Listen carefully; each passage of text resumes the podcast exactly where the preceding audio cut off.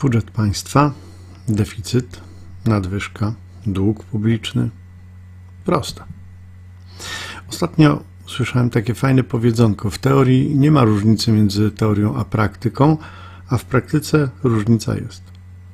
Dzisiejszy odcinek opowiadać będzie o tych czterech pojęciach: budżet państwa, deficyt budżetowy, nadwyżka budżetowa i dług publiczny. Wyjaśnimy te pojęcia i związki między nimi, i to będzie ta teoria. Potem na deser przejdziemy do praktyki i zobaczymy, dlaczego w praktyce wszystko może być bardziej skomplikowane niż w teorii. Ta część powstała z inspiracji rejsami po gospodarce autorstwa profesora Piotra Domijaka, które to rejsy ukazują się na jego Facebooku co piątek. Polecam do czytania. Warto. Mnie urzekł na potrzeby tego odcinka rejs, który traktował o Schopenfeldziarzach. Ten odcinek inauguruje też playlistę Pigułka Ekonomii, Ekonomia w pigułce. W tej playliście będą zamieszczane odcinki szczególnie ważne dla moich studentów. Innymi słowy, jakbym miał zajęcia z sobą samym, to playlistę Pigułka Ekonomii znałbym bardzo dobrze przed swoim egzaminem. Just saying. Budżet państwa to plan dochodów i wydatków państwa. Składa się więc z części dochodowej i wydatkowej. Dochody budżetu państwa to głównie i przede wszystkim wpływy z podatków, jakie płacimy my oraz jakie płacą firmy. Do tego dochodzą inne, mało zazwyczaj istotne źródła, np. zyski firm, w których państwo ma swoje udziały, lub też lwia część zysków z banku centralnego.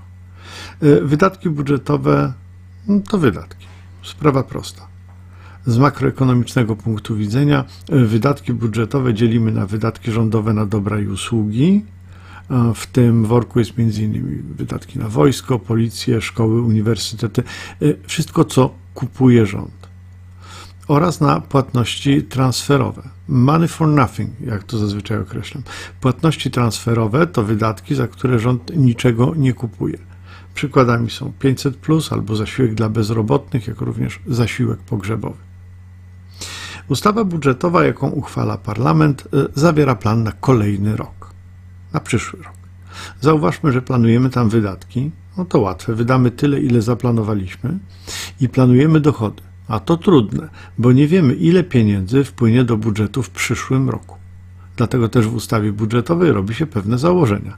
Zakłada się, jaki będzie wzrost PKB, jaki poziom bezrobocia, jaka inflacja. To przecież wszystko ma wpływ na dochody budżetowe. W komentarzach można wpisać, jaki to wpływ. Potraficie to określić?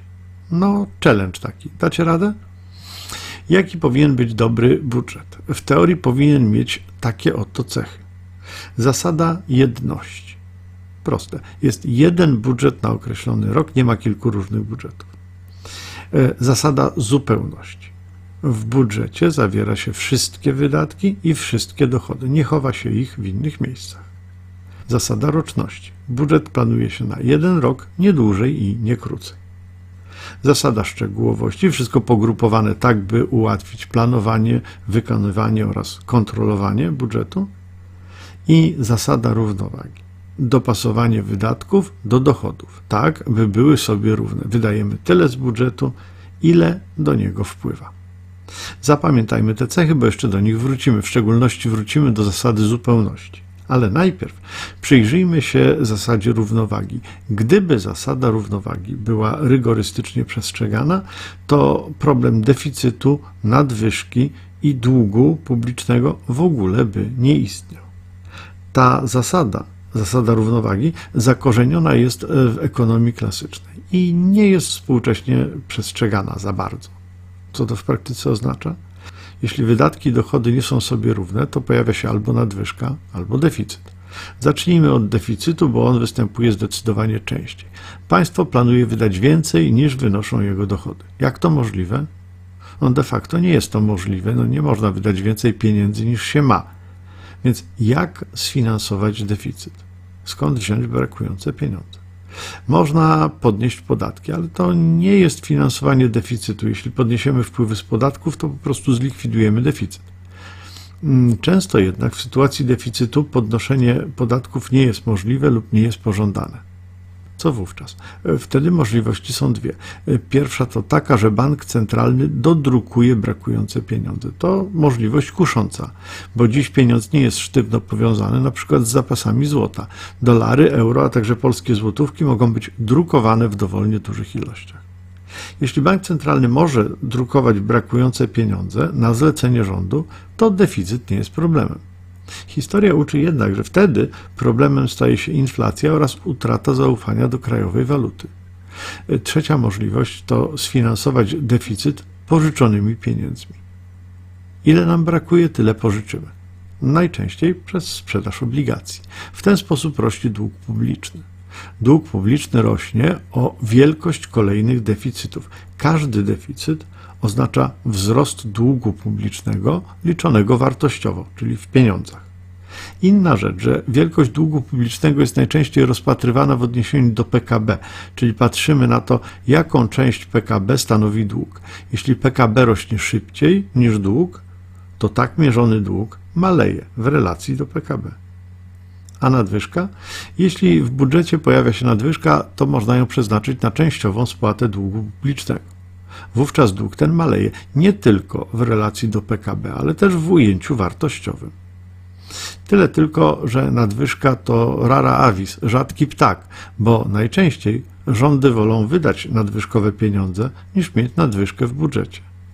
I teraz pytanie za 100 punktów, drodzy słuchacze. Ostatnio nasz premier ogłosił, że na koniec czerwca mamy w budżecie nadwyżkę w wysokości 25 miliardów złotych.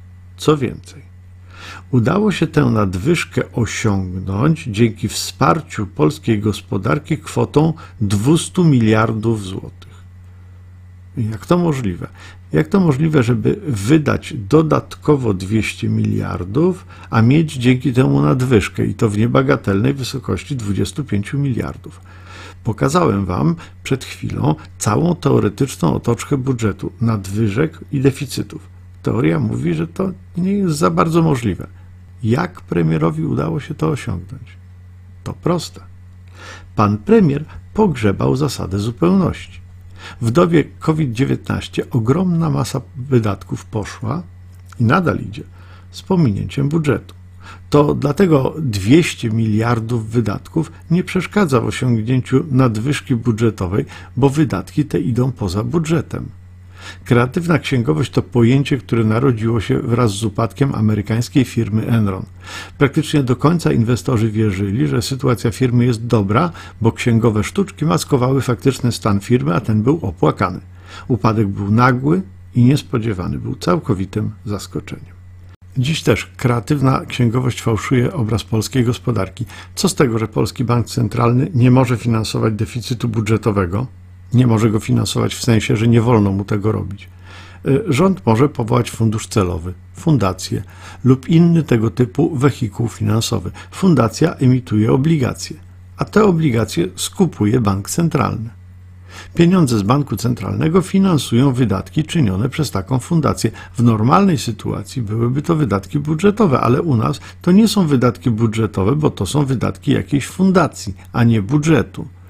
Ustawa budżetowa na bieżący rok mówi o 40 funduszach celowych. Zapomnijcie o zasadzie zupełności. Chowamy wydatki po różnych szufladach i udajemy, że ich nie ma. To oczywiste pudrowanie rzeczywistości. Jak wieki temu pisał Szekspir, to, co różą zwiemy pod inną nazwą, równie by pachniało. To, że jakieś wydatki państwa przesuniemy poza budżet, nie sprawi, że znikną. Mniej zaznajomieni z ekonomią może się na to nabiorą. Taki chyba zresztą jest cel.